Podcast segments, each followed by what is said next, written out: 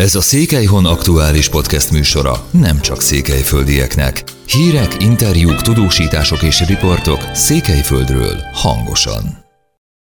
Március végéig érvényben maradnak a COVID intézkedések az egészségügyi rendszerben. Érvényben maradnak az új év első hónapjaiban is azok a koronavírus járvány miatt elrendelt 2020-as intézkedések, amelyek könnyített hozzáférést biztosítanak bizonyos szolgáltatásokhoz, így például a távkonzultációs lehetőségek is az egészségügyi rendszerben. Ugyanakkor az egészségbiztosítási rendszerben elvégezhető szolgáltatásokat és azok finanszírozását szabályzó éves keretszerződés érvényességét szintén meghosszabbították. 2021 első negyedévének végéig, azaz március 31-ig érvényben marad az egészségbiztosítási rendszerben elvégezhető szolgáltatásokat és azok finanszírozását szabályozó éves keretszerződés.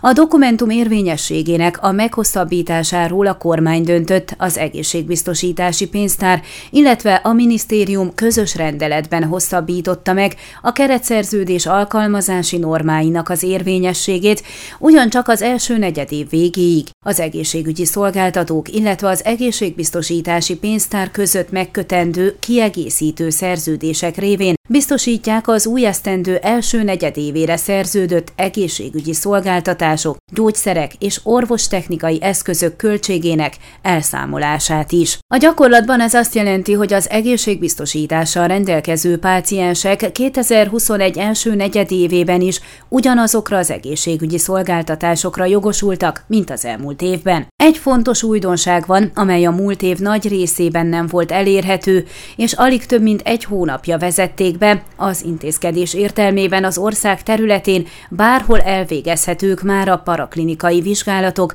nem csak abban a megyében, ahol az orvos kiállította a küldőpapírt.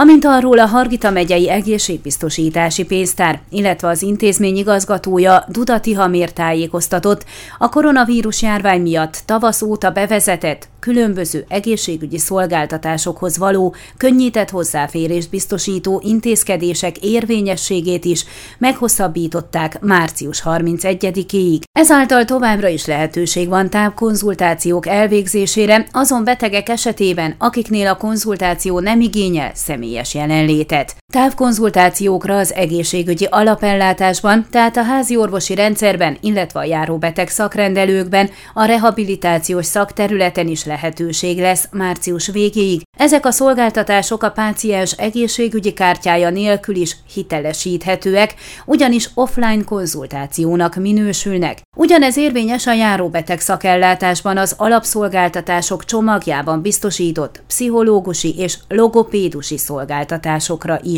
A járóbeteg szakrendelőkben a rehabilitációs szakterületen, valamint a palliatív ellátás esetében küldőpapírra sincs szükség. A koronavírusra utaló tüneteket mutató betegek továbbra is ellátásban részesülnek, beleértve a távkonzultációkat. Utóbbi esetben az egészségügyi alapellátásban, illetve a járóbeteg szakellátásban dolgozó orvosok bármilyen távközlési formát használhatnak, és óránként legfeljebb 8 konzultációt végezhetnek el. A házi orvosok a krónikus betegek számára havonta két konzultációt biztosíthatnak. Ugyanakkor a speciális kezelés megkezdésének részeként kiállíthatnak betegeik számára olyan ingyenes és ártámogatott gyógyszerrecepteket is, amelyekhez korábban elengedhetetlen volt a szakorvosi javaslat. Azon krónikus betegek számára, akiknek a kezelését korábban már beállított a szakorvos, a házi orvosok kiállíthatnak gyógyszerrecepteket anélkül, hogy a páciens újbóli szakorvosi konzultációra kellene menjen. Ön a Székelyhon aktuális podcastjét hallgatta. Amennyiben nem akar lemaradni a régió életéről a jövőben sem, akkor iratkozzon fel a csatornára, vagy keresse podcast műsorainkat a székelyhon.pro portálon.